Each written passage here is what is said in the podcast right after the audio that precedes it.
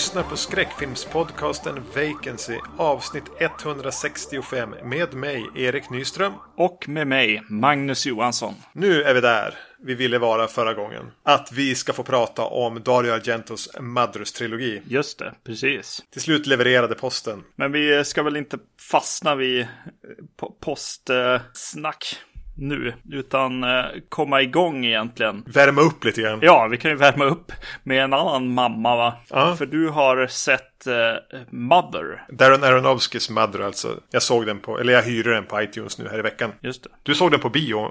Ja, precis. Yes. Eh, vad, ja, vad tyckte du då? Det här är ju en film som kanske behöver vara bättre.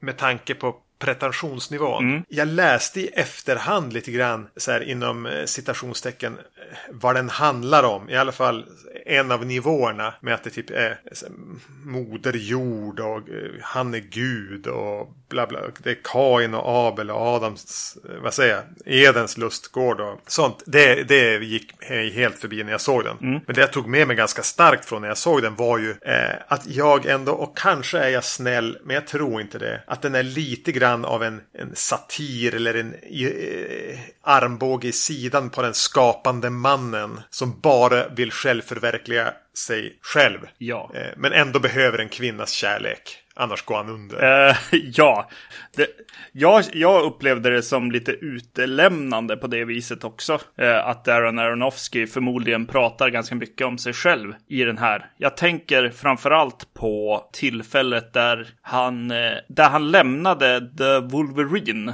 Han skulle göra en av Wo- Wolverine-filmerna. Eh, det tänkte jag väldigt starkt på för att han skulle vara med sin eh, familj. Egentligen var det väl att eh, eh, han hade skilt sig eller något sånt och eh, skulle ta hand om sin son. Jag har för mig att det var något så här grisigt att han, att han typ skulle fara hem och skilja sig från sin gravida hustru för att han hade varit så notoriskt otrogen eller något. Ja, okej. ja. Jag för mig att det, jag har nu, nu, alltså, jag för mig att Aronofsky är en riktig skitstövel i det avseendet. Ja, men precis. Men, men tror du inte då, alltså precis det du pratar om nu känns också som en del i det här. Alltså, det känns som att han ändå går igenom och avhandlar det här på något sätt. Ja. Och eh, vill egentligen i slutändan komma ut som Alltså, ja visst, den är utelämnande och han tycker att han gör fel. Men han är, precis som karaktären i filmen, en, en narcissist. Eh, Som en kreativ sådan.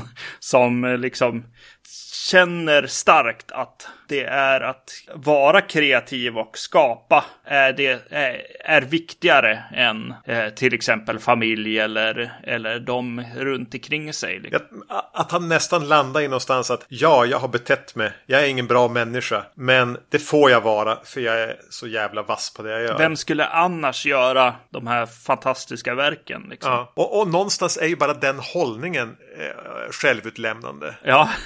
Ehm, ja, men det är det jag säger. Jag tycker det finns mycket lager här. Men Mm. den är inte så knivskarp som den hade behövt vara för att man verkligen ska vilja ge sig in och bara nysta i det här. eh, nej, precis. Det är inte hans bästa film. Det är det inte. Så, såg du Noah? Ja, precis. Ja. Jag gillar ju den. Ja, det gjorde, förutom alla storvulna effekter. Alltså den blev för, för mycket storfilm med, med för mycket sånt. Men så gillar jag också den på något plan. Eh, Jag gillar ju att, att den behandlar alltså kristendom och, eh, alltså, eller eh, Bibeln precis som vilket annat mytologiskt verk som helst. Liksom. Ja. Och, och gör det här eh, som man gör av asatron eller, eller vad, he, vad heter den? Eh, Titans, vad heter den? Den grekiska mytologin. Ja, precis. Ja, exakt. Ja, men den får ju det att framstå som samma typ av fantasy-genre snarare. Alltså den kristna tron. Och han är ju väl en uttalad ateist som jag förstått det. Ja, Jag tycker det är skönt. Det, det, de Noah och Mother har gemensamt är att jag skulle säga att det är de två filmer som har fått mig att så här, föra upp händerna mot ansiktet. Och nästan vilja titta, alltså inte se eller alltså reagera. Alltså en ren en instinktiv reaktion. Som inte kommer så jävla ofta hos mig. I, i, I Noah är det när en bikaraktär blir lite nertrampad av en, eh, en här som jagar dem. Och det var någonting bara, hur det var fotat, klippt, hu- hur de hade byggt upp den lilla, lilla karaktären som gjorde att bara nej, det här, Alltså att mina händer får upp liksom så här för munnen, för ansiktet. Och samma sak hände här. Eh, när det, jag har inte tänkt som sagt var avslöja vad det är. Men eh, mm. det händer någonting med en, med en karaktär. Mm. Och det reagerade på samma sätt. Ja. Händerna upp mot ansiktet. Det är mer tydlig sån scen i, i Mother där man nog ska reagera så. Mm. Jag vet inte om du vilken, förstår vilken det är jag tänker på. Men den kommer mot slutet av filmen. Mm. Och där gör han ju någonting rent, rent hantverksmässigt väldigt, väldigt rätt. Ja. För det, det, är inte så att scenen, någon av scenerna inte är någonting man aldrig har sett förr. Men det är någonting i regi, timing, klipp, ljud som gör att jag reagerar på ett fysiskt sätt som jag inte så ofta brukar göra när jag ser film. Det är lite häftigt. Nej. Så jag är ju alltid, alltså på något, det gör mig ju sugen på Aronofsky-filmer. Även om man är en skitstövel. Ja, precis. Det, alltså ärligt så är det väl ofta så också. Av någon anledning. Men vad fan, den kan man ju se ändå tycker jag. Ja, det tycker jag också. Absolut. Jag, jag beställde eh, Blu-rayen och tänker se den igen i alla fall. Mm. Eh, från en moder till tre andra höll jag på att säga. Dario Argento 1977 så skapar han Susperia, hans första egentligen uttalade övernaturliga skräckis som inte är liksom giallo. Det är inte med någon, med, med någon synsk kvinna eller någonting. Nej, det, är, det är inte det som är det övernaturliga. Nej, exakt. Och eh, i, i den historien så finns det ju stoff till en trilogi eller i alla fall till tre mödrar här som, mm. som väl nämns tror jag i den här eh, filmen. Det är väl baserat på något gammalt litterärt verk om tre häxor eller tre kvinnor eller tre mödrar eller vad det är som, som de sedan har omtolkat lite grann och gjort, skrivit till en skräckfilm och nämner de andra två. Mm, precis. Ja, alltså nu ska vi prata om Suspiria här i början liksom. Och eh, jag vill ju nämna att eh, har man inte sett just den här filmen så tycker jag personligen att man ska göra det. att eh, den, den har så pass mycket i i sig att det är värt att pausa och se den och sen komma tillbaka och lyssna på oss. Vi, vi kommer förmodligen att spoila grejer, mm. men det känns också som en film som, som är jäkligt skön att komma in i utan någon eh, direkt information. Nej, men eh, jag håller med. Se den bara. Eh, är man den minsta skräckfilmsintresserad och inte har sett Suspiria så gör det bara. Precis, för vi kommer nog anta att, att du har sett Suspiria. Så här eh, hissar vi spoilerflaggan i, högt i topp. Och det kommer väl att gälla alla tre filmerna. Yes. Eh, men för mig är Suspiria en av de viktigaste filmerna i att eh, på något sätt återuppliva mitt skräckfilmstittande. Mm. Och det var för att du började prata om den. Nu är vi någonstans ett sent 90-tal, postgymnasiet. Mm. Jo, men vi hade, vi hade gått det var, det var efter gymnasiet. Och du, du hade ju hamnat i den här italienska vägen via Dawn of the Dead tror jag. Och zombiefilmerna. Och så började du surra om den här och, och, och bara gav mig VHSen och så ser det här nu. Ja. Eh, och då var jag, som jag tror jag har beskrivit tidigare, eh, när jag var kanske 20-21 eh, hade väl jag fått upp ögonen för annan film också. Mm. Och tänkte att ja, men skräckfilmen, det var det, jag, det var det jag lyssnade på, jag på att säga. Ja, men det blir, det blir lite så. N när jag gick i högstadiet, då lyssnade jag mycket på, på en massa så här gotisk hårdrock. Och jag tänkte att skräckfilmen hade lite samma status. Det var det, det som var min väg in. Men nu gillar jag Robert Altman. Ja. Eller Tarantino. Mm. Ja, men ser den. Alltså, så, och, och den blev verkligen det här. Ja, men vad fan, skräckfilm är ju skithäftigt. Och det är ju det här jag gillar. Ja.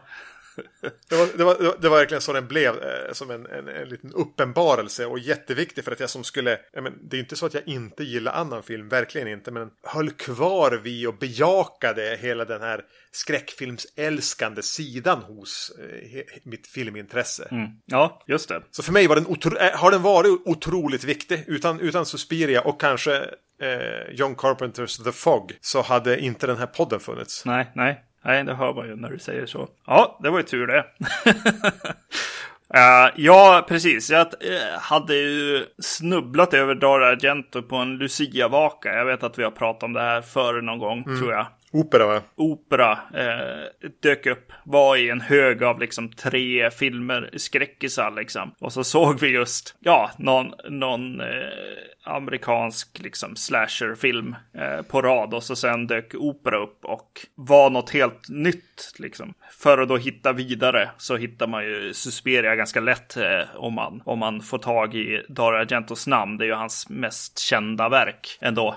Oj, nu sa jag verk. Eh, Men jag tror att vi återkommer till det faktiskt. Ja. För att eh, det finns eh, någon känsla av att det faktiskt är ett konstverk vi pratar om lite grann. Ja, precis. Men det är ju, det är ju lite grann, det är ju närbesläktat med att, att du vandrar vidare till lite mer arthouse-film egentligen. Och här på något sätt möts ju eh, skräck och arthouse på något sätt mm. i den här filmen kan jag känna. Alltså den är, den är något, något lite mer eller annorlunda. Alltså det är klart att det är väl det att man när man såg Suspiria för första gången så eh, var just de här arthouse-grejerna och eh, framförallt sådana här just filmer som bara är ett, liksom ett, ett konstnärligt flöde helt enkelt. Mm. Var något jag, jag inte hade sett eh, innan.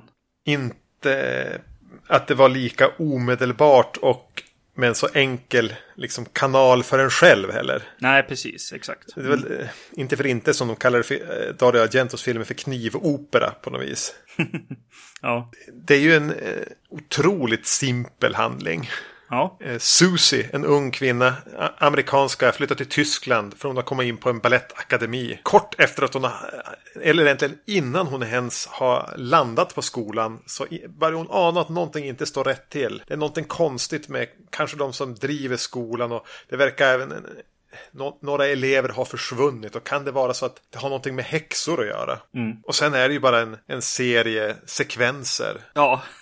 Eller, eller, eller det som du beskrev ett, konst, ett konstnärligt flöde av, av, av, en, alltså som är på, någonstans på höjden av sin inspiration och även har fått med sig rätt folk. Som, eh, alltså i form av fotograf och eh, jag tänker Goblin som har gjort musiken som också på något sätt pikar samtidigt. Mm, ja, verkligen. Det finns ju också en, en sidokaraktär här på något sätt som, som eh, det tvistas om eh, hur, hur inblandad hon var. Men eh, jag tror på ganska mycket Tänker du på Daria? Eh, Daria Nicolodi som eh, han var tillsammans med vid tillfället. Va? Och eh, hon, hon hade berättat om någon eh, släkting som hade eh, gått på en pianoskola någonstans. Och att eh, de som, eh, och lärarna där, alltså var så här vickan folk, häx, häx, häxor helt enkelt. Som, som inspirerade så att de ja, skrev den här tillsammans kanske. Hon har, hon har i alla fall en writing credit på den här utifrån det förmodligen. Och att hon också har presenterat hela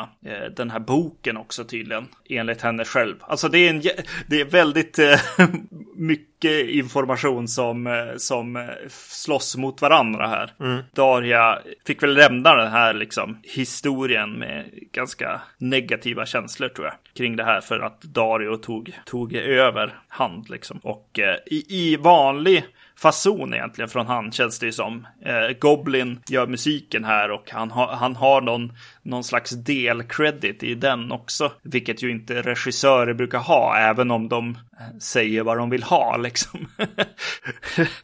den här eh, kreativa narcissismen som eh, dyker upp här igen. Precis, för jag tror att han har någon liknande credit på, vad heter den, Dawn of the Dead också. Med musiken just. Jag undrar exakt vad det är han har gjort där. Ja, jo.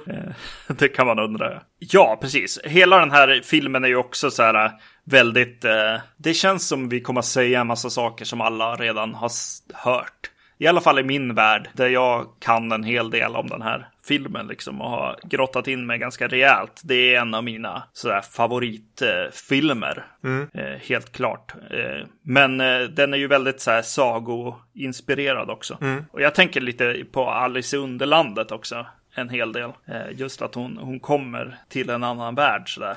Genom att re, ja, fly, flygresan i princip. Och ramlar in där i en annan värld. Där det finns eh, karaktärer som är från, från alla, ja, både platser och tid och så. Det känns som att, eh, alltså hon som driver det här stället till exempel. Är det alltså hon som spelas av Alida Valli? Hon med de här med tandraden? Nej, nej, det är inte hon jag tänker på. Jag tänker, Utan den mindre kvinnan? eh, ja, precis. Ja. Joan Bennett. Mm, mm. Som två gamla eh, grånade damer här med fruktansvärt mycket pondus. Ja, Minst precis. två.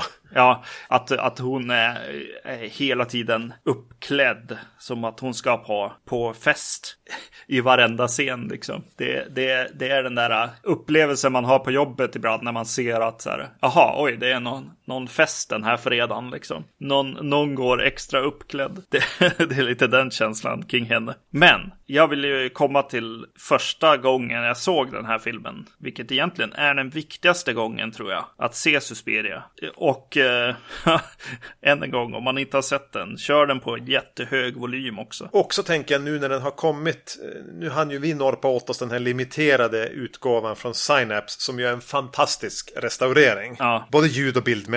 Men alltså, jag har inget imponerande ljudsystem. Men jag upplevde att, att den har aldrig låtit så bra som den gjorde nu. Nej, Eh, så eh, har ni inte hunnit köpa den på Blu-ray så, så kommer de att släppa en, en regular edition. Som jag ju så här i efterhand precis lika gärna hade kunnat köpa. precis. Ja, ja. Men, men det såg ut som att den också skulle bli svindyr. Men ja, ja. Hur som helst tillbaka till att se den första gången och se den med hög, på hög volym. Ja, för det, det är ju, den här har ju ett grepp som få skräckfilmer ändå har. Och det är ju den här öppningssekvensen som är många minuter lång. Som var liksom det jobbigaste jag hade sett förmodligen vid tillfället. Det var så jäkla tryckande med Goblins musik och, och alla bild, bilder och sånt som jag fick liksom ta del av. Ja, det är ju ett bombardemang. Alltså ett bombastiskt sånt. Alltså med färger, bilder och musiken som inte riktigt låter en andas nästan. Nej, precis. Exakt den känslan får man ju. Jessica Harper som, eh, eller Susie Bannion som spelas av Jessica Harper, anländer ju där egentligen på flygplatsen och det är redan där liksom. Hon bara går genom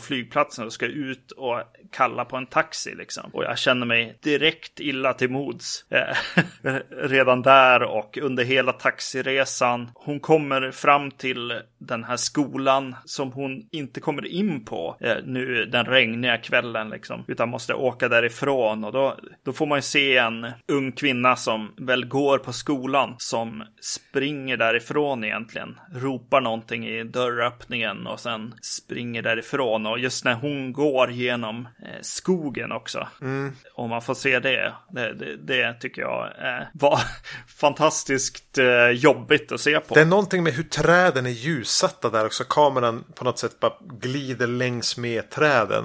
Eh, Jag minns att, att efter jag hade sett den här så eh, bodde i Umeå vid tidpunkten. Kunde jag cykla längs en sträcka där skogen vid, vid, vid vissa partier såg exakt ut så. Och jag väntade med allt det nästan att se någon springa där inne. När ljuset låg på rätt sätt. Man vill liksom inte bara glida förbi med, i en taxi liksom när någon eh, liksom snubblar sig igenom med i princip nattlinnet Ja. eh, genom en skog liksom. Det är obehagligt. Framförallt om Goblin står och blästar i öronen på en liksom. Blästar och väser. Ja. Ja, precis. Eh, Jag, jag, jag kommer ihåg att det, den är ju väldigt övertydlig med vad den handlar om här i musiken.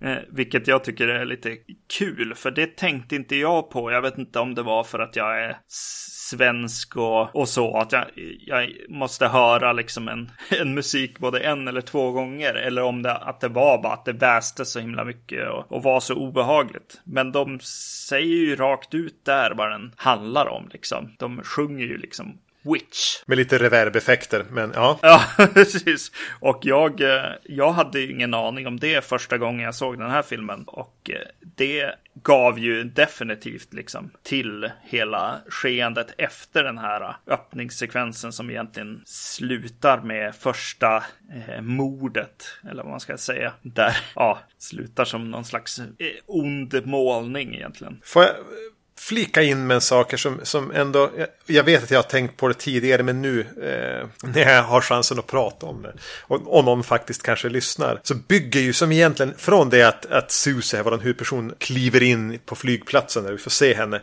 så trappar ju hela den här sekvensen upp mot det här som avslutar med som du beskriver en målning. Där det är glas, krossat glas och en häng, hängning och vansinnigt snyggt. Mm. Men i den här, eh, här nästan symfoniska stegringen mot det mordet så kommer det en sekvens under det. Kommer ett klipp och musiken som håller på att stegra mot någonting. Som att någon bara tar i. Här, mamma kommer in på rummet och vrider ner en, ens volymreglage. Och så är det ett klipp mm. till någon som kastar en handduk till en annan karaktär. Ja. Det där stör lite min känsla här. Tänk, är det där just den sekvensen någonting som eh, stör dig eller reagerar du på den? Nånt, någonting jag reagerade på, eh, jag tror att det är för att ljudet är så påtagligt på den här utgåvan också. Att jag, jag har inte riktigt tänkt på just de där hur, hur liksom abrupt både musik börjar och slutar i den här filmen. Mm. Eh, så jag tänkte nog mer på det än själva liksom händelsen, förloppet liksom som hände när musiken försvann. Men eh, ja, det är lite abrupt, det är det ju. För mig kastade det mig lite ur den här eleganta stegringen. Mm. Det störde mig. Det blir mer som att det är låtar som spelas. Ja, det var just därför det här att någon bara drar ner volymen snabbt. Jo, precis. Där är nästan, eh, för att hoppa fram, Mother of Tears lite mer så här. Den gör ju musik mer som en film liksom. Eh, att, att så här, ja men nu, nu kör de iväg och då tonar jag ut musiken ja. eller lägger någon annan liksom lite, lite mörkare ton eller någonting liksom. Men den här, den kör bara liksom. Det är ett, en jam-session och så sen bara pop. Hur kommer man ur den här musiken?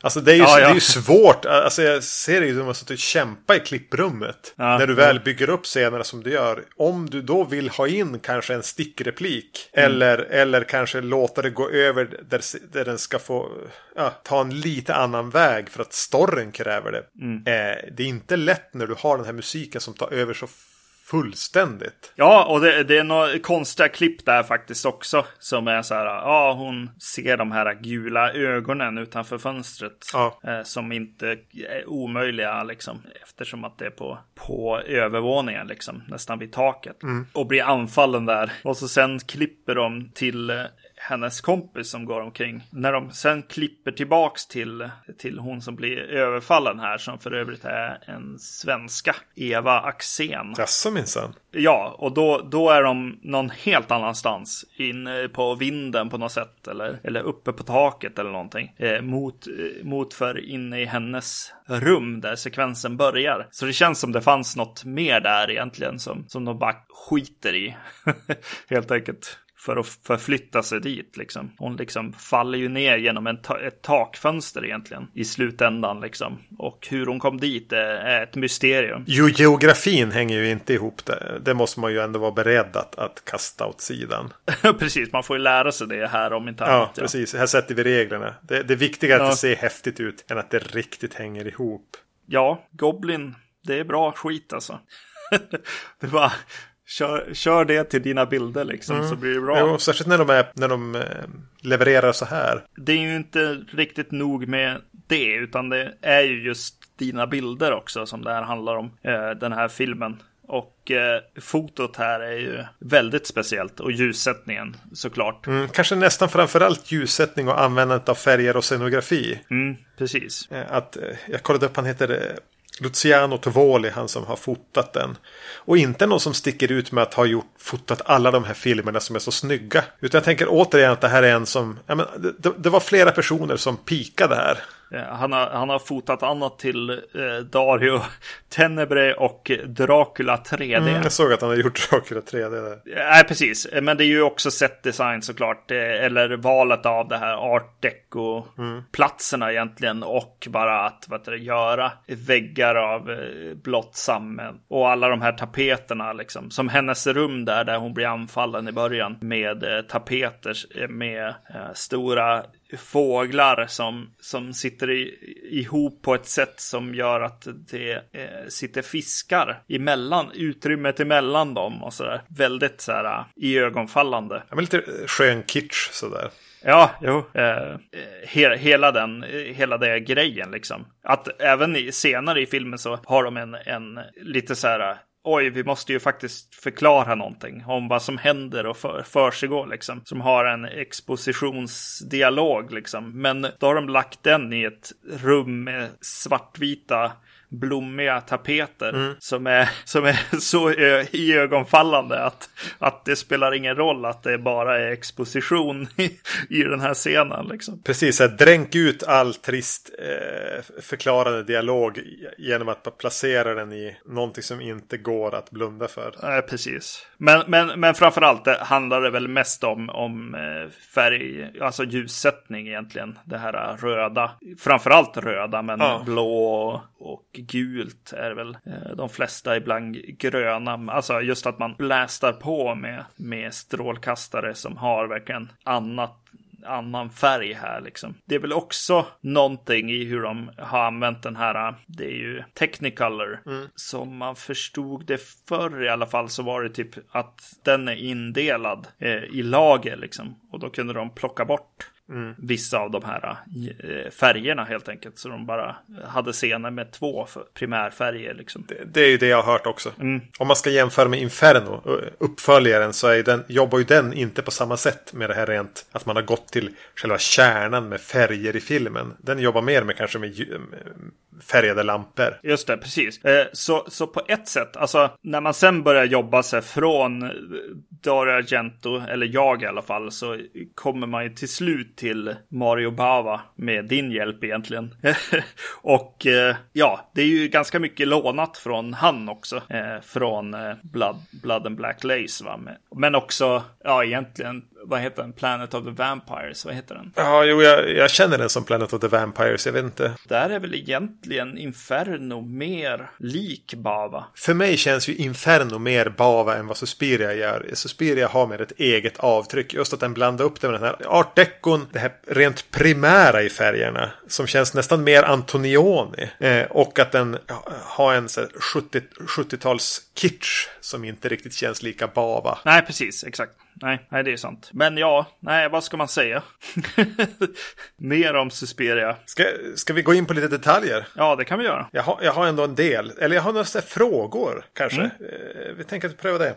Varför vill de, det vill säga häxorna, så gärna att Susie ska sova på skolan? Kan du svara på det? Alltså, man undrar ju lite grann om de här, eh, hennes klasskompisar och allt, alla de också är in on it. Mm. Lite grann. Att hon, hon är den som kommer in i en värld liksom där i, i princip alla redan är korrupta liksom eller, eh, eller så. Eh, lite grann eh, känner jag ju så. Alltså det känns ju definitivt i filmen som att det handlar om henne eh, och hennes resa in i den här eh, världen. Inte om att eh, rädda skolan eller liksom alla eleverna och sådär. Nej, nej, nej, det är ju någon slags överlevnadshistoria på något vis. Ja, precis. Så ja, vad gör hon där och vad gör henne unik och speciell? Eller har all, går alla igenom det här skeendet liksom? Och har en del gjort det redan och en del är på väg in i det på något sätt eh, redan. Hennes kompis eh, Sarah mm. börjar ju nysta också i det här lite grann. Att det är någonting som inte stämmer. Jag undrar om, om man kan, om man hade följt henne in i hennes rum. Hur hade det sett ut där liksom? Jag gillar mycket av scenerna de har tillsammans. De blir på något sätt de här konspirerande systrarna. Det är mycket de som viskar. De viskar framför något lakan där och de viskar i sovrummet och de viskar i poolen. Och, eh, Susie blir ju sjuk. Mm. Och det är när hon håller på och somnar hela tiden. Som är som halvt, där hon är halvt vaken och pratar med Sarah om de här lite konspirationerna. Det tycker jag är sjukt härligt. Ja, Eh, absolut, det är ju så. Alltså, det är någonting med, med som du säger, eh, konspirerande systrar-grejen liksom. Eh, det, jag kommer att tänka på, vad heter den? Eh, ja, Sense and Sensibility, heter den så? Nej, det heter den inte. Men Jane Austen-filmatisering? Ja, det är den andra. Eh, vad heter det? Förnuft och... Nej, fan. Pride and Prejudice. Eh, Pride and Prejudice. Eh, filmatiseringen med, vad heter hon då? Keira Knightley. Keira Knightley. Den filmatiseringen har en, en sekvens där vet, två systrar eh, eh, är under, under ett eh, täcke och pratar och, och fnittrar och sådär. Som var så här höjdpunkten för mig i den här, i den filmen. det är no, något härligt med det. Och eh, när, som du säger, när de sitter och viskar framför skynket där är ju en fantastisk bild alltså. Mm. Det är den jag verkligen fastnade för den här gången. Ja. Typ den snyggaste bilden. De har hängt ja. upp lakan så för att de måste sova i typ gympasalen för att de ska... Typ Anticimex ska dit av anledningar. Och så kör de med värsta närbilden på de här två unga kvinnorna. Som, som för övrigt skulle vara barn. Ja, hon ville ha dem mycket yngre. Eller hon, eh, Dario, ville ha dem mycket yngre egentligen va? Ja, precis. De skulle vara barn, vilket man ser i filmen. Man ser det i dialog och man ser det i hur de reagerar, eh, hur de agerar kring varandra på något sätt. Det finns inget riktigt så här sexuellt i den här eh, världen.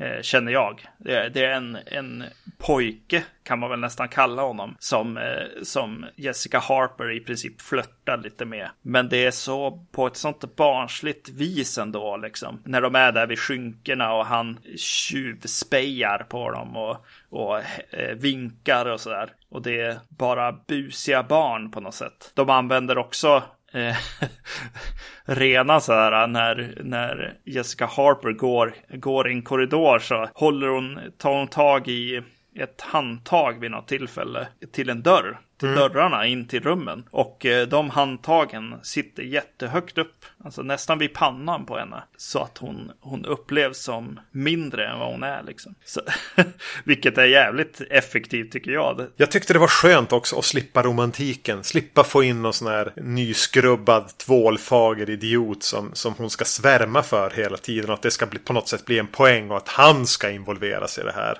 Ja, precis. Och så mm. otroligt skönt att slippa män överhuvudtaget. Ja, precis. Men, men eh, en till fråga. Vad vill, vad vill häxorna här då? Mater Suspiriorum och de. Vad, vad, vad, har, har de någon agenda här? Är det att inte bli upptäckta eller kräver de blod eller vad?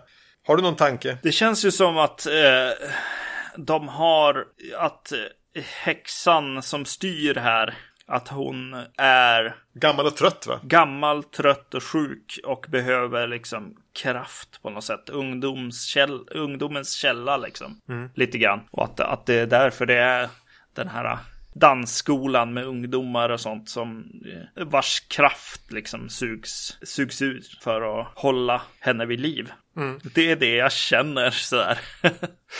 eh, när jag ser den. Ja, jag, jag var också så lite att det är nästan som ett hospice för så, The Mother of Size, Mother Suspiriorum. Att bara, mm. ja men vi, hon är gammal, hon kommer kanske inte att leva så länge till, men vi håller henne vid liv här ett mm. tag till. Och så har hon sitt lilla... Finns det ett bra ord för, för coven på svenska? Uh...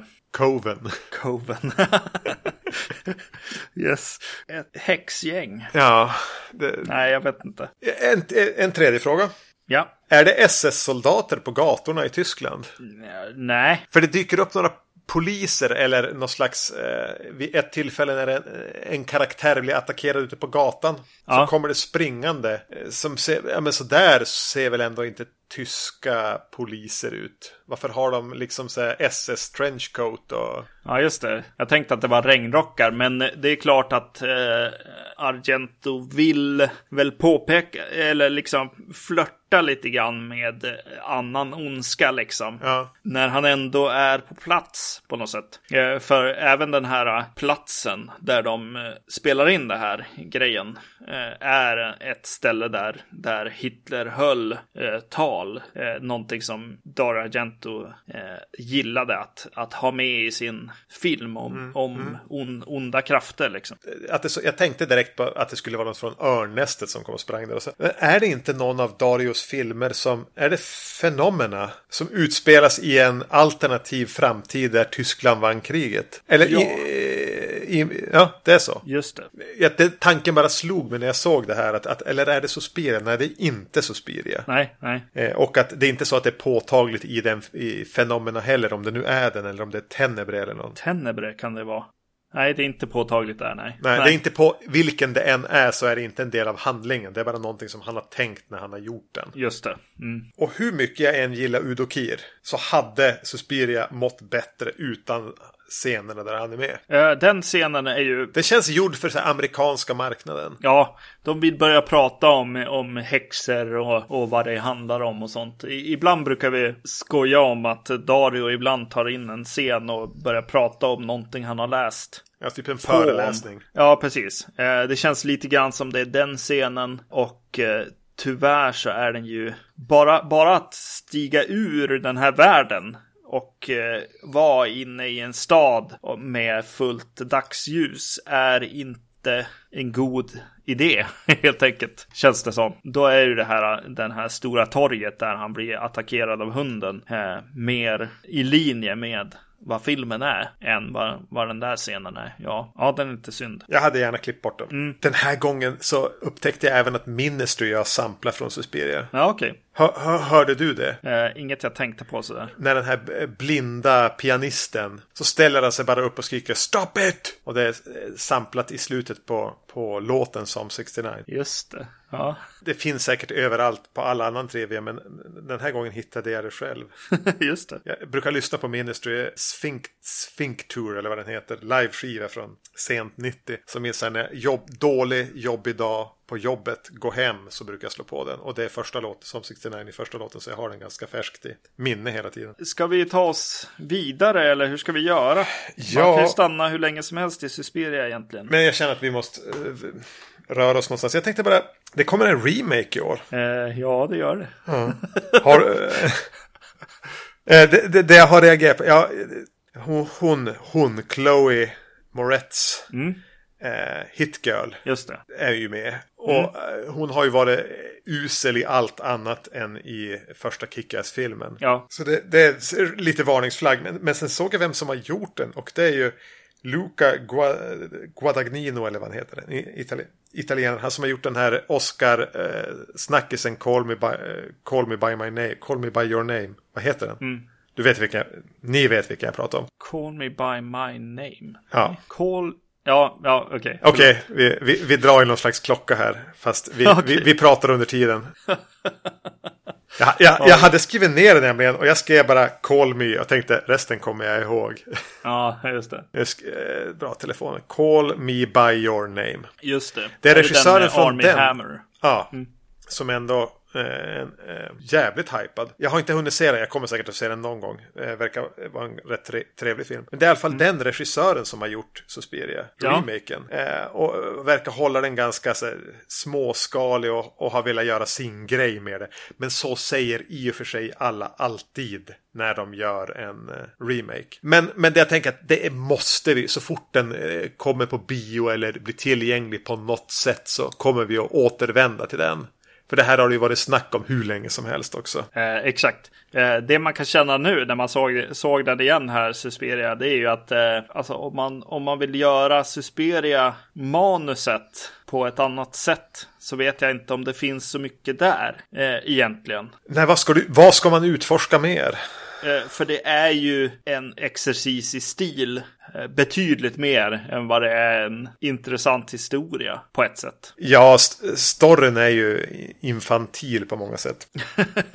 ja, det, det, det härliga med den är ju såklart att vad det, den är så pass eh, Alltså Hans och Greta eller Alice i Underlandet. Alltså det, det, den är så väldigt sagolik på något sätt. Man får följa den här personen in i, i en saga på något sätt. Men resten är ju inte så, ja, jag vet inte riktigt. Just det, jag, jag måste ändå säga eh, när vi ändå pratade om Chloe där, vad hon heter. Moretz, ja. Ja, att eh, hon ska spela Sarah tydligen. Eh, vilket känns lite tråkigt med tanke på att just Suspirias eh, liksom bästa rolltolkning tycker jag ändå ligger där någonstans. I Sarah. Ja, Som den här kompisen. en otacksam roll på många sätt. Men ja. Mm. Jag tyckte hon var väldigt, väldigt bra. Särskilt den här gången när jag såg om den. Eh, för första gången på mycket länge. Men det, det blir väl eh, fint att få avsluta med det. Yes. Vad dricker du, min vän? Eh, jag dricker A Rippin' Swell of Juicy Hops. Men själva grejen, ölen heter Stone Ripper. Oj, var det därför du köpte den? Precis. Uh, det är lite roligt för att uh, det ser i princip det en, den har en liten logga som i princip är, är Goblins uh, logga som håller i ett i en stor glas med öl. Det här är en San Diego Style Pale Ale från Berlin i Tyskland. Hur mycket tänkte du innan du köpte din? Jag hittade den där i kylskåpet. den bara dök upp där. Ja, precis. Old Foghorn på den här sidan. Mm. Det är en av mina favoriter som brukar finnas då och då här på bolaget. En Barley Wine Style Ale. Eh, jättegod. Men den knyter ju inte an till eh, Suspiria eller någonting så på något sätt. Så jag är lite tråkigare på det sättet. Och skådespelaren som vi ville uppmärksamma innan eh, ölpausen. Stefania Cassini heter naturligtvis hon som, som spelar Sarah. Men eh, tre år efter Suspiria. Ja, precis. Eh, och inga filmer emellan. Utan eh, det här är Dario Argentos nästa film. Inferno från 80 då. Jag kan inte riktigt, jag brukar ju ha ett jävla minne för sånt här. Mm. Eh, men jag kan inte riktigt minnas kronologin för mig här när Inferno kom in i mitt liv.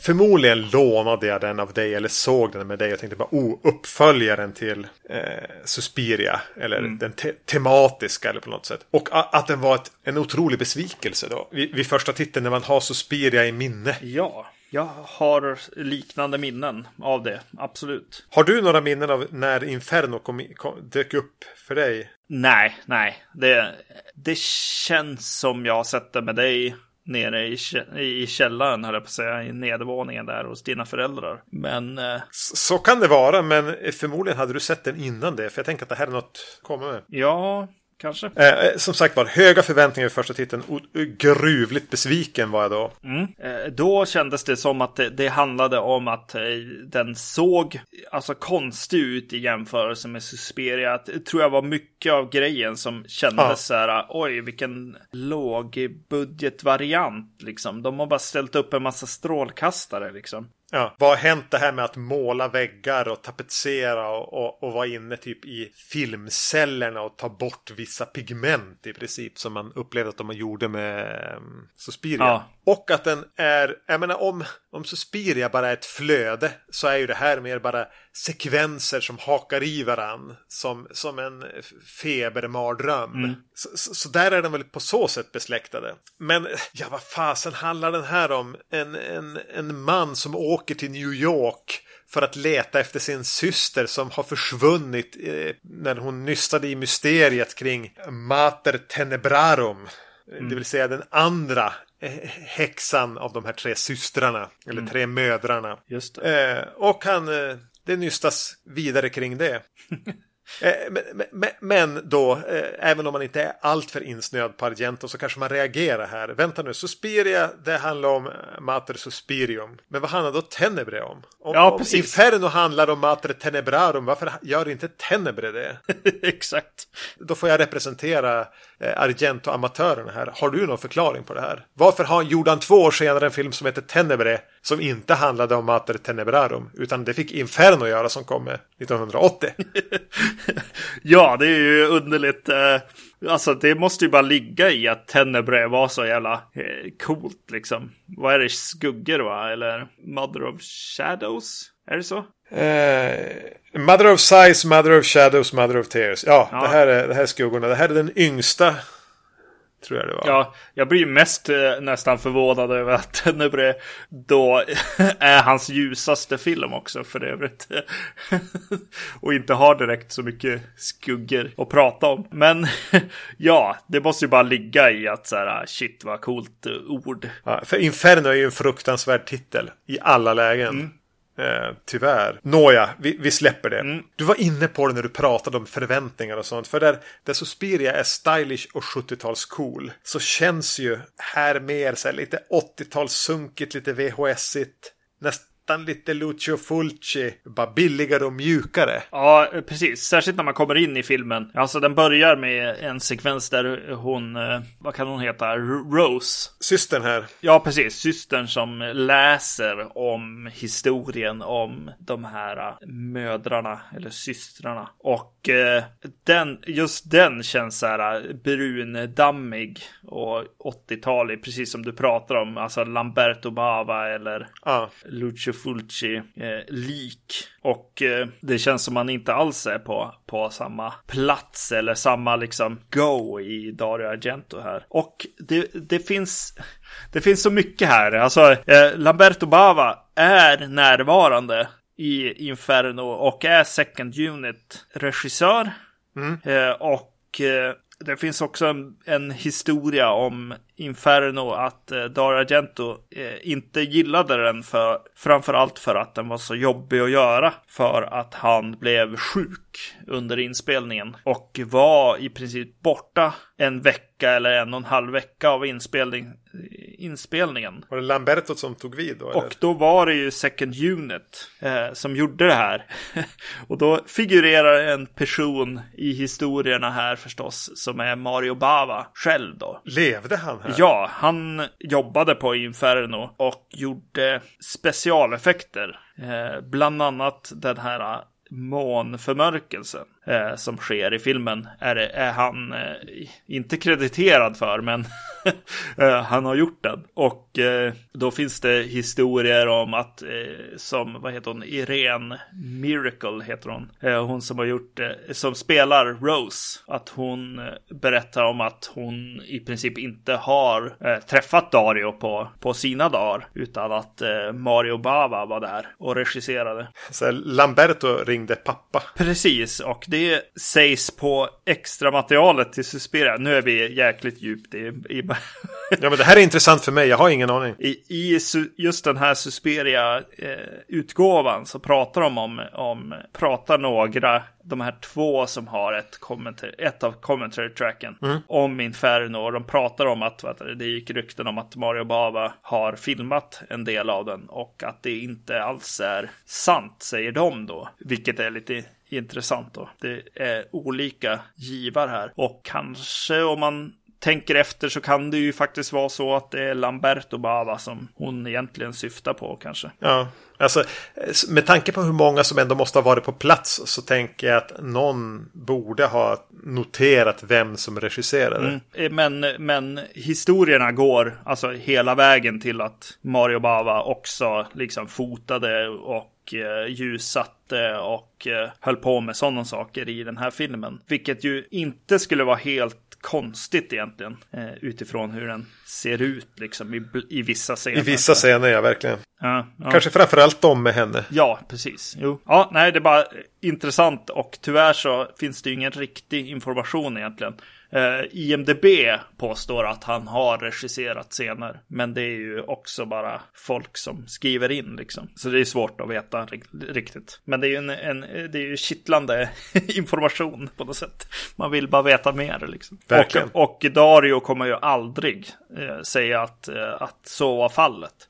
Eftersom att här till exempel Daria Nicolodi igen har sagt i intervjuer att så här, ja, nej, jag, jag gav honom hela writing crediten för jag tänkte inte slåss för den igen. Liksom. Det var för tungt att få den till Susperia ens.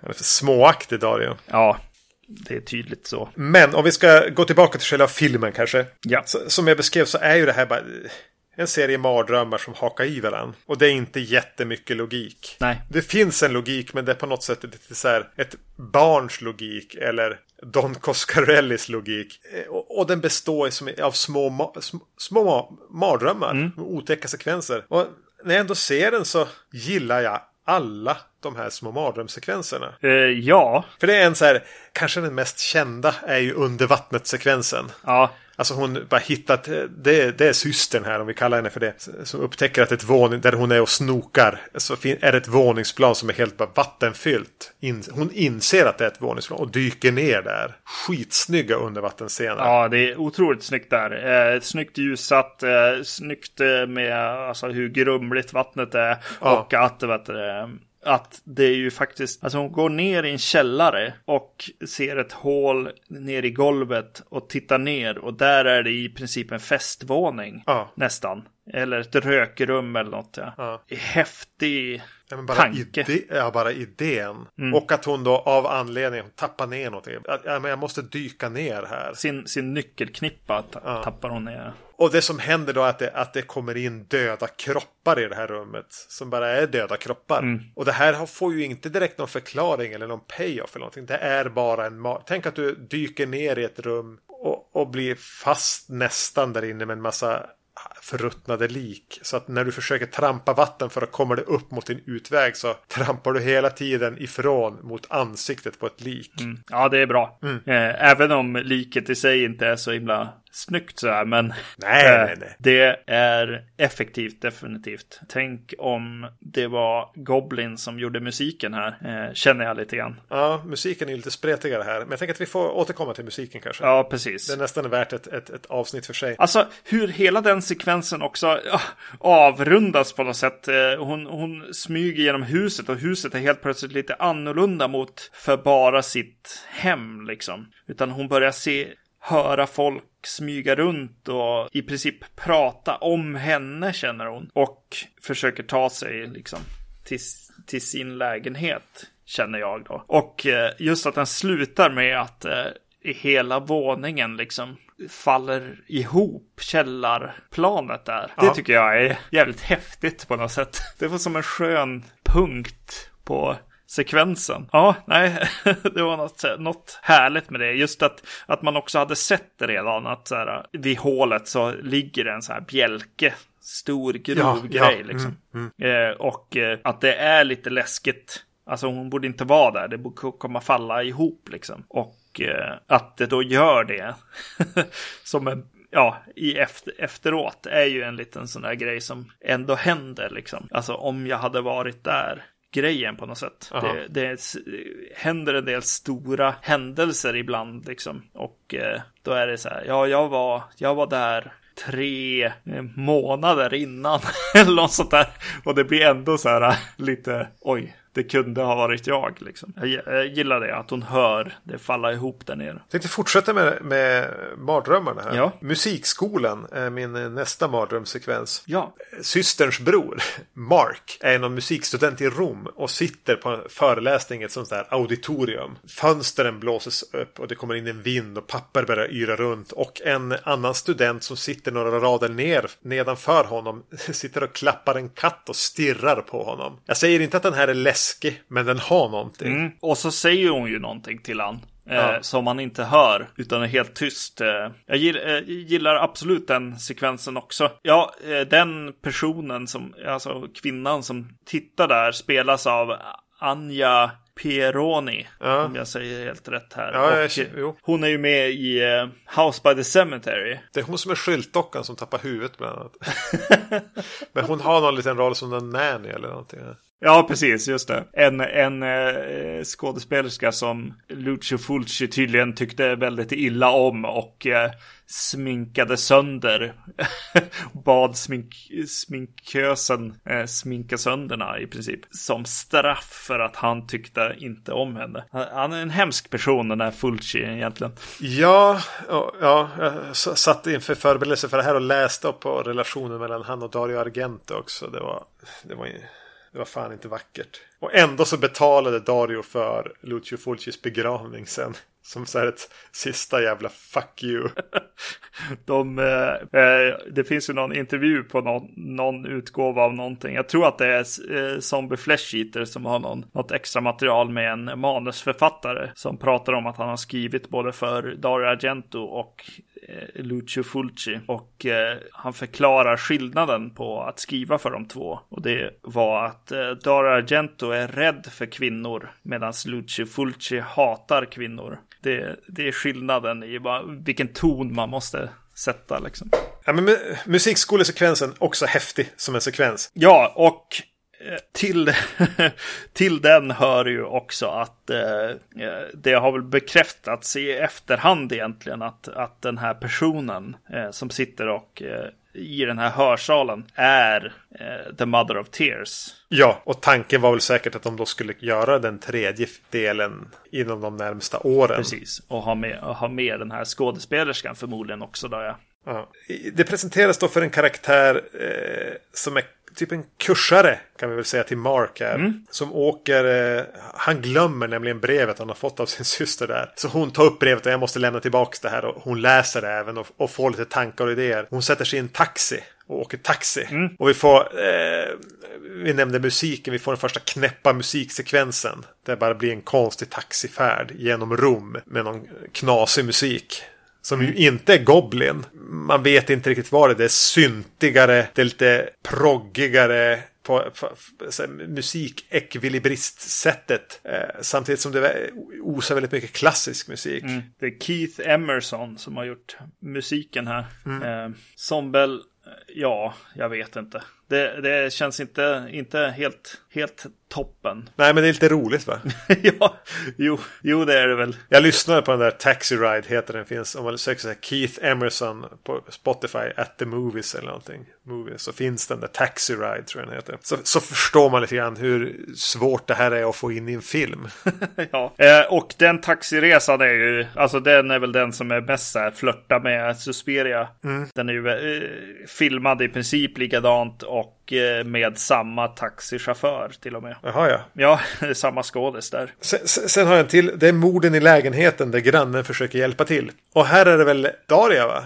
Ja, just det. Som är i en lägenhet och någon är ute efter henne. Så hon ber en granne följa med henne in. Mm. Och hålla henne sällskap till, så att hon ska känna sig tryggare. Ja. Och det, det känns mer som en klassisk eh, giallo-sekvens nästan. Ja. Att kanske är det någon annan där inne. Mm. Och bara tajmingen i den och hur det är någonting mardrömslikt i hur eh, payoffen blir med att hon hör honom prata hela tiden. Men att det, ja, eh, Mm. Jag tycker eh, återigen bara en snygg sekvens. Att den sen inte hänger ihop med någonting annat här. Ja. Så är det ett, ett snyggt bord i vilken giallo som helst. Eller vilken slasher som helst. Eller vilken thriller som helst. Ja, ja precis. Och det är väl här de börjar leka med det här äh, gula ögonen igen också. Har jag för mig. Eller kanske kommer lite senare, tänker jag.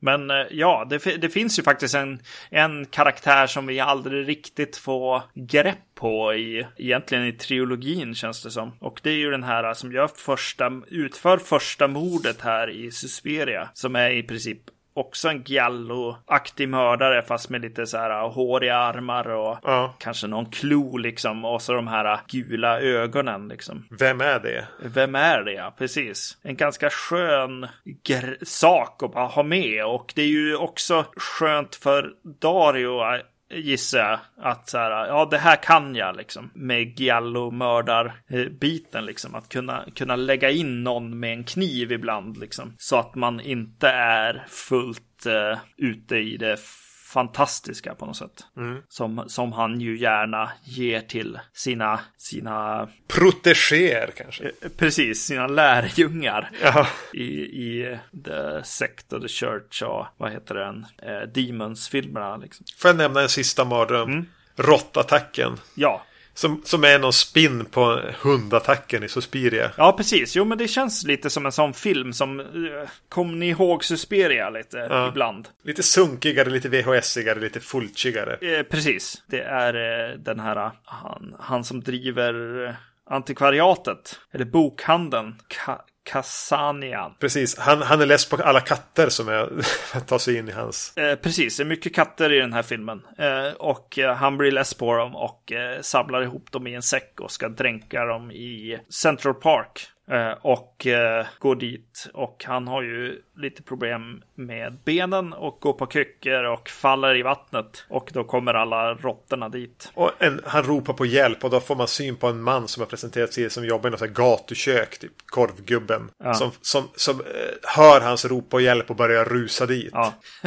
och då kan vi ju nästan reflektera tillbaks till förra avsnittet där vi pratade om Prince of Darkness och vi, vi pratade, nämnde eh, Dario Argento där i en sekvens som kändes lite Dario Argento-lik. Där det var en, en som kom springande från ingenstans och eh, högg en person. Eh, och det är väl i princip den här scenen som vi pratade om då, känns det som. Ja. Det är ju häftigt, alltså. Det är ju en häftig punchline. Jag, jag gillar den med den här, eh, när rädd, räddningen kan, eh, kommer och eh, mördar den helt enkelt. Precis. Ja, alltså jag gillar de här som hakar i varandra på ett halvt associativt sätt. Men, och, och det måste jag ändå säga om Inferno, den blir bättre för varje gång jag ser den. Mm. Definitivt. Jag, nästan mer fram emot att se om Inferno än Suspiria just efter att den, den växer på mig fortfarande. Suspiria kanske inte gör det längre. Den vet Nej. jag vad jag har. Och jag gillar så mycket beståndsdelar här. Men den tar inte riktigt ihop.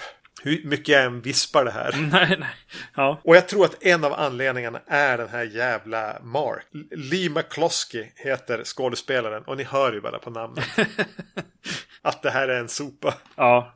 Eller ty tycker du om honom? Nej, nej, nej, nej. Nej, det är ju varför även i den här serien liksom filmer dra in överhuvudtaget den här Giallo-torrbollen liksom. Han är ju extra sån, känns det som. Han är ju inte ens snygg. Han, han är inte snygg och han är, är inte bara torr, han, han bara känns dum rakt igenom också. Vilket Ett våp. Ja, jobbigt att se på och följa egentligen. Det som den har dock då, det är ju att den tar död på potentiella huvudroller både en och två gånger. Hela tiden känns det Ja. som att han gör det. Precis. Eh, vilket är lite roligt och att han, han får som bara snubbla, snubbla igenom det här på något sätt och aldrig fatta något och eh, inte göra något heller. det är intressant att du säger för jag skriver det på sl alltså slutet på Inferno. Eller hur? Visserligen är det ett Inferno med elden och, och, och det speglar ju Suspiria med elden också. Men ingen gör ju någonting. Mm. Nej. Va, va, vart tog hon vägen?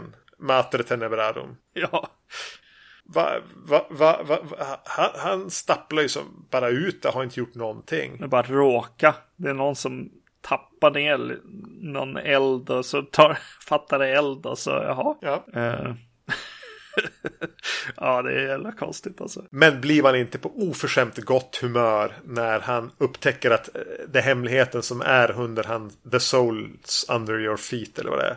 Och han inser att vänta nu det finns ju så här halva våningsplan mellan våningsplanen. Ja. Vilket i sig inte leder, alltså det är ingen, det är ingen stor payoff med det egentligen. Men på något sätt leder de väl honom till någonstans. Men när, när Emersons äh, mu- musik, den, den knäppaste musiken som någonsin har skrivits till en film. när han bara ska krypa runt och undersöka lite. Bara drar igång. så, den lyssnade jag också på när jag låg och peppade för det här. Ja, alltså. det är ju så dumt. Syntopera liksom. Syntoperan. Alltså återigen Spotify. Sök på Mater Tenebrarum. Den låten av Keith Emerson. Ja, alltså, och och eh, lyssna på. försök att lyssna på den utan att börja le. Och bli lite varm ändå. inombords. Ja, ja, det var så bra. Jag bara började digga där i soffan helt plötsligt. Bara, Det här blir en sån här låt. Jag vill bara spela den för alla. Visst hör ni hur dumt det här är? ja. Ja, det, här var ju inte bra. Nej. Men Nej, kör. Det är, han, det är typ hans försök till att vara Goblin en liten stund. Ja. Och så blir det bara.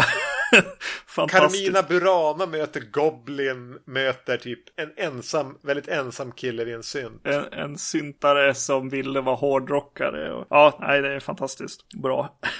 Men det är på det sättet att, att det blir lite roligt. Ja, alltså eh, något, något jag gillade den här gången väldigt mycket. Det var de här små infalls, alltså inflikningsklippen så här. Eh, som kommer lite då och då. Som bara är som där och lite stör lite grann. Alltså man ser någon som håller på att bli hängd. Som bara är ett klipp liksom. Ja. Eh, från ingenstans. Och, så, och, så, och den här ödlan som eh, äter en fjäril som dyker upp också. Ett infall liksom i klipprummet på något sätt. Fast samtidigt inte för att sen så när han snubblar omkring där. Jag tror att det är han som går omkring va? Eller om det är, ja, ja jag vet inte riktigt. Men eh, det är någon som snubblar på en så här eh, lite intorkad, eh, uppstoppad ödla sen. Vilket jag tyckte var lite mysigt på något sätt. Det var som att man hade sett tillbaks i tiden på något sätt. Att den började hoppa i tid liksom. Eh, vilket jag gillade. Och sen är ju, vad det, ja precis, hon Marta från eh, The Beyond är ju med också. Eh, alltså hon som har en liten konstig relation till eh, Joe the Plumber. Just det. Mm. hon är med och eh, hon, eh, hon med tänderna i Susperia. Alida Valli. Mm. Ja, precis. Dyker också upp. Vet du vad jag tänkte på ett tag? Det var nya Twin Peaks. Och eh, kanske framförallt den här New York-delen av nya Twin Peaks. Eh, jag tror att det är just när han, han, han som tittar in i ett hål i väggen och så är det någon konstig liksom formation, alltså något, eh, vad heter det, lufttrumma höll jag på att säga, rum mm, mm liksom. Mm, ja. eh, och så börjar han må illa liksom av det, blir förgiftad eller något påverkad ja. känns det nästan som. Eh, då tänkte jag lite grann på nya Twin Peaks för det kändes så, så underligt på samma sätt. Och att det är lite ett New York som inte riktigt är det New York man, alltså det är inte Abel Ferraras New York. Nej, precis, exakt. Utan i just det här fallet så är det ju ett väldigt europeiskt, mm. europeiska delarna av New York. Definitivt. Ja, men som sagt, eh, jag gillar ändå Inferno. Ja. Jag vill bara ha det sagt en gång till. Yes. Eh, det gör jag med. Hur länge fick vi vänta då? Vi fick vänta i 27 år. yes. På Mother of Tears. Du hann till och med med att fråga Dario Argento när, om den här filmen någonsin skulle komma. Ja, alltså den dummaste fanfrågan någonsin. Jag skämdes så mycket efter att jag gjorde det. Han var, han var på Stockholms filmfestival. Eh, Vad hade han med sig då?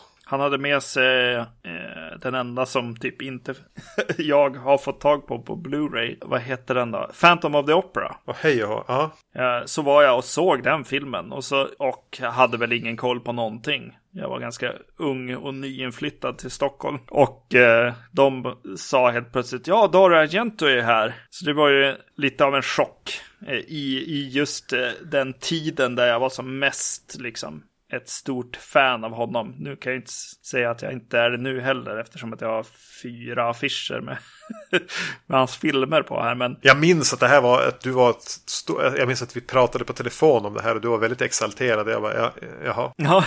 ja, ja, kul för dig. Jag vet inte vad du pratar om.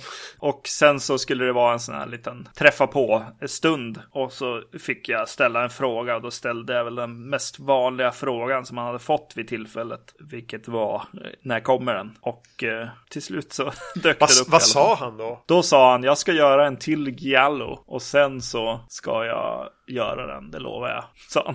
Då ska jag se i hans filmografi här vart vi är någonstans. Då måste han ju ha gjort Nonno Sonno efter. Ja, han gjorde Nonno Sonno därefter. Och så gjorde han...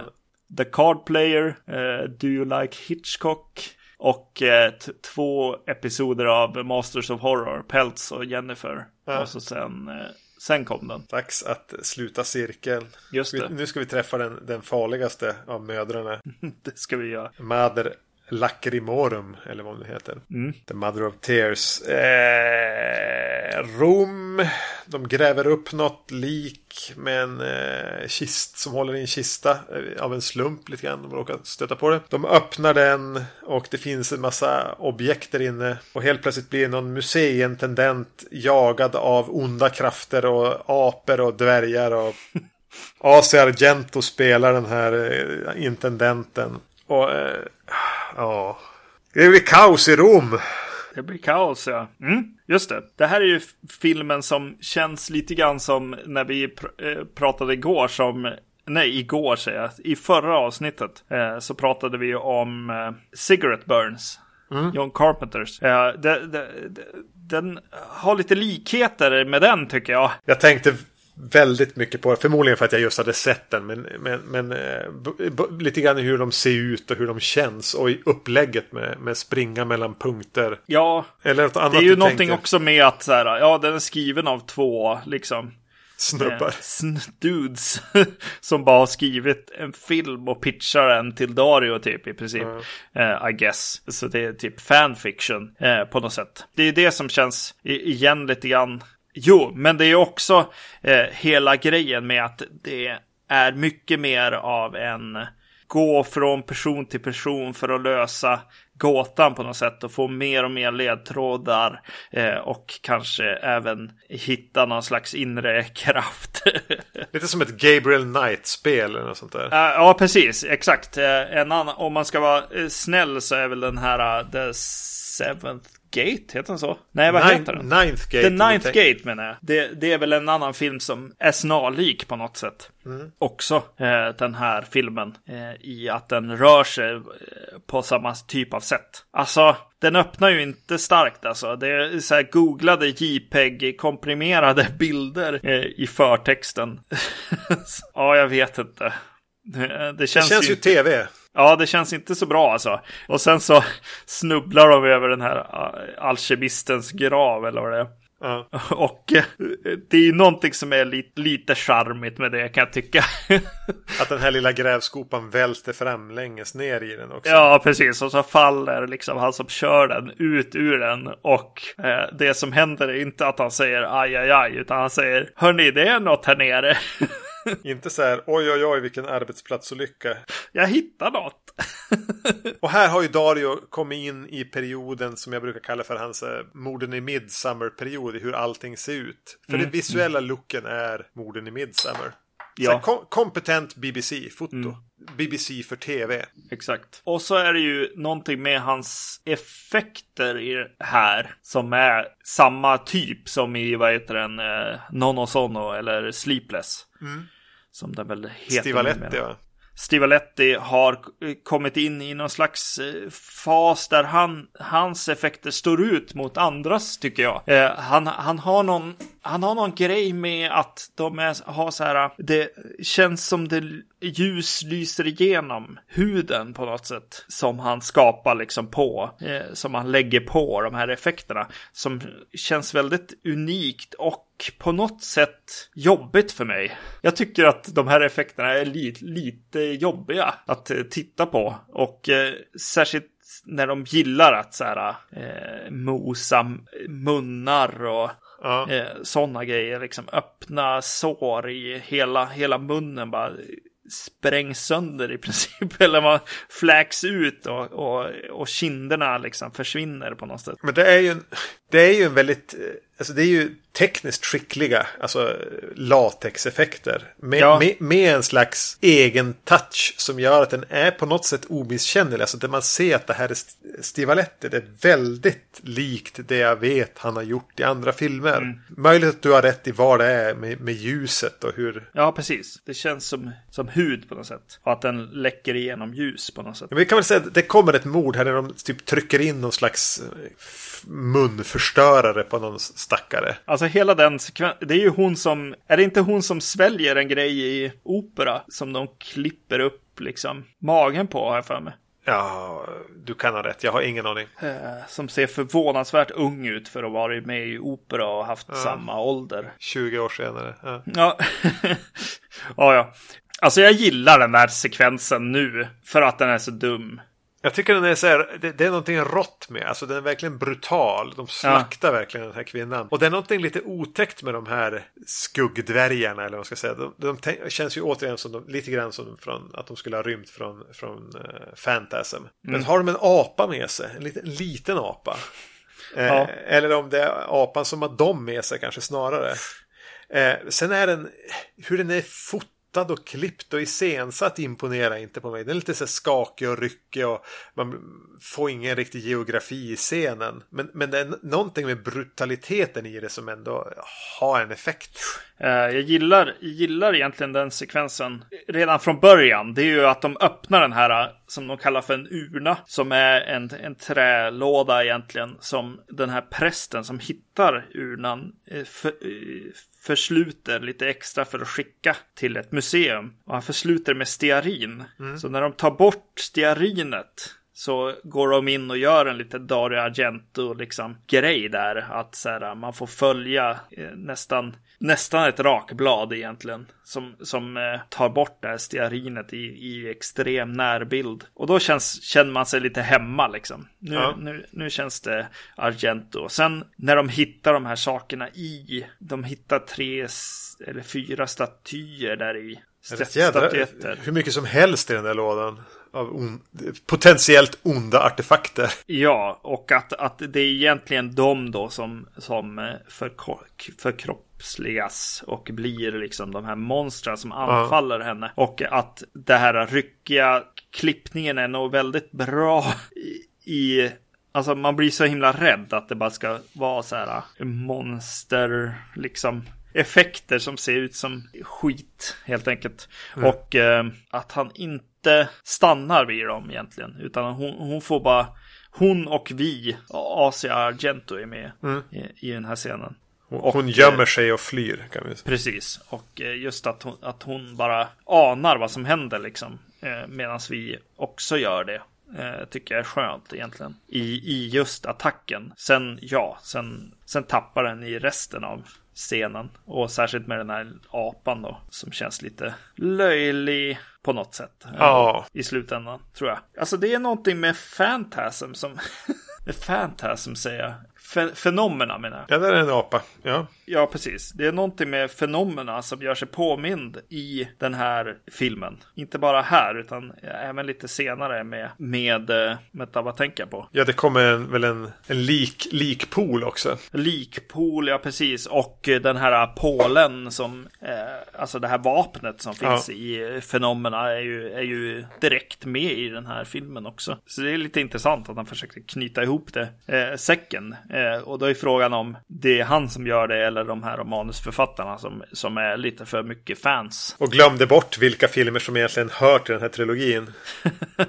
Just det. Det som händer är ju att det eh, kommer eh, återigen ett helt, eh, en hel häx- häxklubb till, till Rom. Jag fnös lite föraktfullt här i början och säger att det blir kaos i Rom. Vilket kan vara ett av de mest patetiska eh, scenerna att försöka eh, visualisera hur, hur någonting inte står rätt till i Rom. Att folk börjar bete sig underligt är typ att ett, någon huligan ställer sig och slår sönder en bilruta. Ja. Och sen kommer det häxor på flygplatsen. Vilket är verkligen så här Roald Dahl-häxor. Ja, Det känns, jag tänkte mer på så här, stökiga festivalbesökare på väg Ja, till, till, till Arvika, festivalen. ja. Ja, det är det han är rädd för nu för tiden. Dario, ungdomar. och alla de här häxorna och blängande häxor och sånt. Det är så skämsigt alltså. Alltså, just det. Nu, ja det är det. Absolut. Och även den här, jag, jag känner så här. Jag känner att tanken med att det är kaos i Rom och att vad det, de faktiskt gör någonting i den här filmen, häxorna, är ju eh, kanske god sådär. De vill ju få igång någon slags apokalyps eller en ny tidsålder egentligen. Precis. Det är någon som har ställt sig frågan, men, men vad gör de då? Ja, vilket väl var frågan från de två första filmerna. ja, precis. Gör någonting då. Precis. Jag, jag kan gilla det och jag kan tycka att scenen med kvinnan på bron eh, mitt i Rom där, eller utanför Vatikanen i princip är det. Ja, som kastar ner sitt barn eh, från barnvagnen ner i, i vattnet. Ja, det är lite obehagligt. Eh, det är ju obehagligt och eh, hon, alltså jag vet inte, just det här Mother of Tears också. Eh, det blir lite tydl- övertydligt kanske. Eh, när, när den här kvinnan då sen på något sätt uppfattar vad hon har gjort. Men är ändå kvar i övertygelsen på något sätt. Det är no- någonting där som, som känns eh, lite skön sådär. Även om jag kan tycka att eh, Dario Argento går lite väl hårt åt eh, barn i den här för att chockera. Ja, visst var det så här. Oftast i film, om man ser en skräckfilm så vet man att barn kommer ju i alla fall att klara sig. Men här, här kan man invertera det och tänka, är ett barn med så vet man att det kommer att råka jävligt illa ut. Det är ju en liten sån där grej som eh, regissörer när de eh, växer upp och kanske får egna barn och sånt här brukar, brukar säga om sina gamla filmer att shit, jag skulle aldrig ha dödat det där barnet idag liksom. Här har Darius barn blivit så gamla att han kan regissera dem i filmen. ja. Jo, nej, han har inte lärt sig den läxan.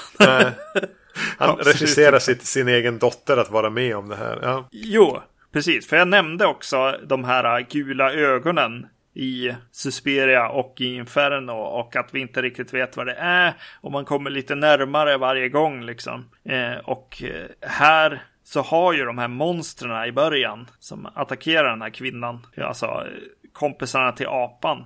Ja. Eh, har ju sådana gula ögon också, vilket jag eh, tyckte var så här, ja, ja men det är klart att ni ska göra så. Så att de säger på något sätt att det är någon någon slags demonfigur helt klart. Tjänar åt mödrarna. Mm, mm. Och så mm, polisen dras in här också. Ja, de dyker upp. Eh, Giallo-snuten. Ja. Eh, dyker upp och är, ja. är, som i Dario Argentos filmer ganska ja, tafatta. Och... Tafatta machosnubbar. Ja. Så vi får en ganska utdragen sekvens där Asia Argento är jagad av både de här tafatta poliserna av anledning oklar. Varför, mm. Och var, framförallt varför hon gömmer sig för dem. Eh, men hon blir även jagad av de här festivalbesökarhäxorna. Mm. Eh, I en oändlig sekvens. Där jag, ah, här började jag zona ur. Det är ju så här, oj vad dyrt på ett sätt.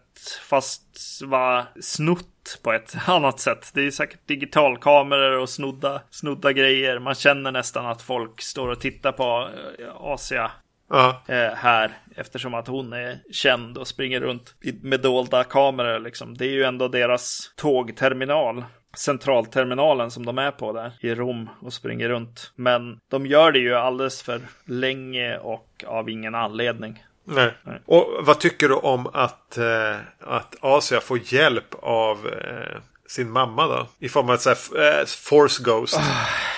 Ja, det är inte bra alltså. Att det här blir, alltså, jag började cringea under hela den här jakten. Men eh, att sitta kvar i soffan och titta på filmen när Daria Nicolodi dyker upp som sin egen dotters... Visst är, det, visst är hon Asias man? Ja, precis. Ja. ja eh, oj, oj, oj, jag ska spela mamman. Och, eh, här, om, om, Harry Potter hade varit en tv-film. Ja. Alltså det är ju så jobbigt. Och det är jobbigt redan från början. Att så här, oj, hon hör några röster så här. Men det är bara rakt upp och ner, bara en inspelning. Som att sätta igång våran podcast mitt i en film. Liksom. Uh -huh. Det är inget eh, specialeffekter eller något konstigt i ljudet, liksom, utan det är bara press play on tape det, det är verkligen in, inte bra. Och sen när hon väl dyker upp också och inte kan ha ögonkontakt med henne. Och, alltså det är bara jobbigt, jobbigt, jobbigt. Jag vill inte riktigt prata om det känner jag.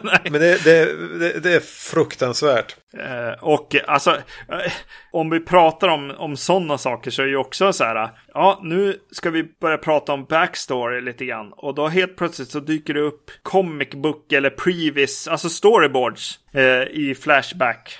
Ja. Alltså, de bara eh, filmar någon serietidning eller eh, storyboard helt enkelt. Och låter det vara en scen i filmen liksom. Alltså, filmar det eller har inte med det alls. oj, oj, oj. Ja, nej, det var riktigt dåligt. Det skulle kunna ha varit lite kul så här, eh, lite som, är det dess The Church som börjar med någon flashback. Mm, mm. Uh, om, det, om det hade varit så roligt liksom. Något filmat live, uh, liveare liksom. Då hade det varit coolt liksom. Men det här är ju pinsamt. Det är ju som att skriva missing scene liksom på skärmen en lång stund. Otroligt pinsamt. Och så springer, fortsätter, alltså ur de här pinsamheterna springer Asia in i en scen med, med en kvinna som heter Marta. Mm. Som ställer sig och berättar då saker för henne. Det är som hennes roll här, att berätta. Mm. Och, och, när hon känner att nu har jag berättat klart, nu, nu drar jag så här i den här tofsen för att få hjälp att berätta. Då, då klampar Udo Kier in och fortsätter berätta. ja. Han spelar inte samma karaktär. Eh, vilket han väl egentligen borde ha kunnat göra här. Men han spelar någon präst här som... Okej, okay, det blir alltid lite roligare när Udo Kier ska göra det. Ja. Eh, för han är lite camp. Eh, och, och, och, så händer det ju saker med han som också blir lite roligt. Ja, precis. Men alltså hela den sekvensen när hon dyker upp. Alltså här är det, alltså det vi har fått genomlida fram till dess. Om man tittar på räkneverket och inser att det är fan länge kvar på det här också. Mm. Här är det riktigt jobbigt. Ja. Ja, ja, ja. Vad tycker du om Marta, den här karaktär, den lesbiska, lesbiska karaktären de skriver in av ingen anledning? För. Alltså, både hon, ja, alltså ja, alltså hon känns ju stabil sådär. Ja, alltså, jag ska inte säga någonting om skådespelaren. Nej. Men jag hade ju inte velat se henne i den här filmen. Nej. Nej. Hon har ju också träff träffat på en, den här brittiska mannen som eh, har med eh, museet att göra. Han, han, det är väl han som egentligen ska ha tagit... Han är typ så här chefsintendent eller någonting på, på museet. Men han var inte där när det kom det här paketet. Nej, precis. Jag börjar tänka att han kanske är den skådisen som har varit, alltså typ den stabilaste skådisen som Dario har haft i en film. Men sen så har han ju som inget att göra egentligen. Men han är ju väldigt så här bara, ja, ja, skådespela, det kan man väl göra liksom. det kanske är i relation till alla andra eh, Asia Argento bland annat här. Som har jävligt svårt, tycker jag, i den här filmen. Hon, hon har ju en massa så här magiska krafter som hon ska lära sig. Och hon ska höra konstiga röster och koncentrera sig så att hon inte syns. Och Alla de grejerna blir bara skrattretande när hon ska försöka göra.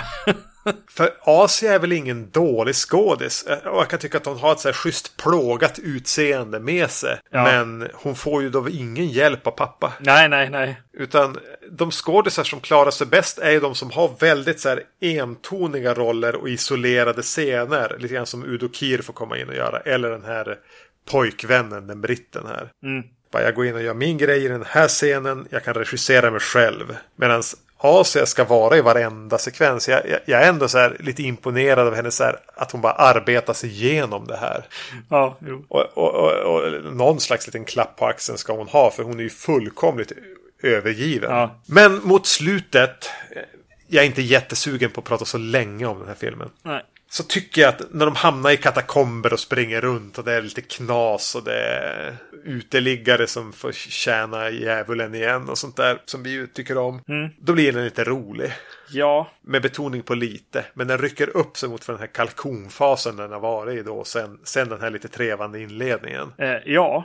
ja, jag har ju, alltså jag har ju uppenbart lite svårt Eh, med distansen när det kommer till Dara Dario Argento. Det är någonting ändå som, alltså det finns någonting där i den här filmen, men det är jävligt svårt att ta tag i. Eh, jag tycker att det finns någonting i att häxan faktiskt börjar göra någonting. Mm, jo, men, jo, men sådana saker. Eh, den aspekten gillar jag lite grann. Och eh, ja, och så att, alltså när det blir lite för dumt liksom. Det är som, som i den här Dracula, när det dyker upp en sy- syrsa eller vad tusan det är. Ja, just det. Det är jättegröna saker. Ja, alltså go nuts på något sätt. Eh, och eh, ja, det finns några sådana grejer här. Så här ja, men eh, hon vaknar från någon dröm och så helt plötsligt så dyker upp någon demon där, värsta jumpscaren. Och, och det blir så här, ja, det här är för, för dumt. Så det blir lite kul. Men ja, men samtidigt har den lite konstiga ton. Alltså det är så här cringe ibland också. Eller saker jag inte vill se egentligen. Alltså jag tycker, jag tycker att när den blir otrevlig så blir den lite för otrevlig helt enkelt. Ja, men det blir ju att, att tonen inte riktigt håller ihop där då. Nej, precis. Med de här Roald Dahl-häxorna och, och, och sen typ någon som ska få ett spjut uppkört i underlivet. Ja. Alltså, och varvat med att, att Asia Argento springer runt i ett köpcenter och ser halvstressad ut. Och så dyker någon så här Obi-Wan-mamma upp. Ja. Alltså det, du får inte ihop det här och, och då känns det bara osmakligt när de, när de ska slafsa på. Mm, precis, jo. Eh, Så jag har ganska stora svårigheter, framförallt med mittenpartiet här. Inledningen är trevande, men ändå att jag kan hitta saker i det. Ja. När hon ska springa ifrån poliser och få hjälp av, av, av mamma och, och den här Marta kommer in och hon bara ränner runt. Otro, alltså, vedervärdigt. Sen tycker jag att nere i katakomberna, ja men eh, här är, här är det lite, lite schysst ändå. Ja, precis. Jo. Men på, på, det, på det hela taget så är det ju... Det är ju bara, finns ju bara två filmer i den här trilogin. Ja, precis. Och så, jo. någon, och så det här är så, en tv-film som kompletterar det. Mm. För den som verkligen vill. Är det fanfiction? Ja, det är lite fanfiction här, ja. Absolut. Men ändå är ju det här kanske, förutom Nono Sono, då är det Argentos bästa film på 2000-talet. Ja, just det. Mm. Ja, vi, vi låter det hänga här kvar i luften som ett, som Ja. ett eh, frågetecken. På 20, vänta. Ja, det är det ju. Ja, det var inte så svårt, eller? Nej, det var, det var inte. Om vi tar med 90-talet blir det lite knepigare. ja, precis. Det var länge sedan jag såg Trauma och, och Stendals syndrom. Det finns två filmer som jag vill se om. Och det är The Phantom of the Opera. Ja. Och så vill jag se om Dracula en gång till. Jag tror det är tredje gången. Jag kommer aldrig att se Dracula-filmen igen. Jag lovar. Jo, det kommer jag göra. Uh, det är någonting. Det är någonting knasigt med den. Som, eh, ja, fan alltså. Jävla fanboy. Ja, jo, jo, det är sant. Men, ja, alltså jag vet inte. Det känns som ett konst, konstig avrundning att prata om Mother of Tears när man har pratat om, om Susperia i början av avsnittet här. Det känns väldigt uh, länge sedan också. Susperia är ju fantastisk. Jag, jag, kan tycka att den är absolut mest fantastisk första gången du ser mm. eh, filmen. Och eh, ja, det kanske kan vara att jag har sett den jätte, jättemånga gånger. Eh, så att man vet alla beats liksom. Och kan den liksom. Eh, som gör att, att det var mer av att få se den liksom i den här restaureringen och eh, med den fa fantastiska bildkvalitet och ljudkvalitet som, som drog den här gången. Men den kvarstår nog som en av favoritfilmerna. Nu gillar jag, nu gillar jag Suspiria. Men det är ju inte en favoritfilm. Så, mm. alltså den är inte där uppe. Men man ska absolut se den. Är, den är ju skithäftig på många sätt. Mm. Men, eh, ja. Det, det, jag ska inte säga att, att Inferno är bättre, för det är den inte. Men den seglar upp på ett skönt sätt för mig hela tiden. Som eh, bara ett potpurri av, av eh, knas och eh, mardrömmar och infall. Som är ganska snyggt på många sätt. Mm. Eh, Mother of Tears är bara skräp. Ja. Något, du vill, något, du vill tillägga om Inferno? Nej, nej, jag håller med helt och hållet. Eh, den blir bara bättre och bättre. Mm. Eh, jag kan tycka att det är lite synd på musiken framförallt nu. Coolt!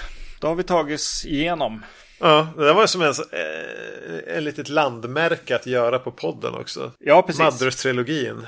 Nu har vi gjort Halloween och nu har vi gjort den. Och vi har gjort Night of the Living Dead och sånt där. Mm. Ja, framåt går det. Yes. Men klara blir vi aldrig. Eh, har, har, du sett A Ghost Story än? Absolut. Ja. Nej, jag har inte gjort det. Ja, du får se den imorgon kväll då. Mm, mm. Eh, då eh, finns vi på vacancy.se och på Facebook och på där man hittar eh, podcasts. Ja. Eh, ha det bra. Precis. Hej. Hej.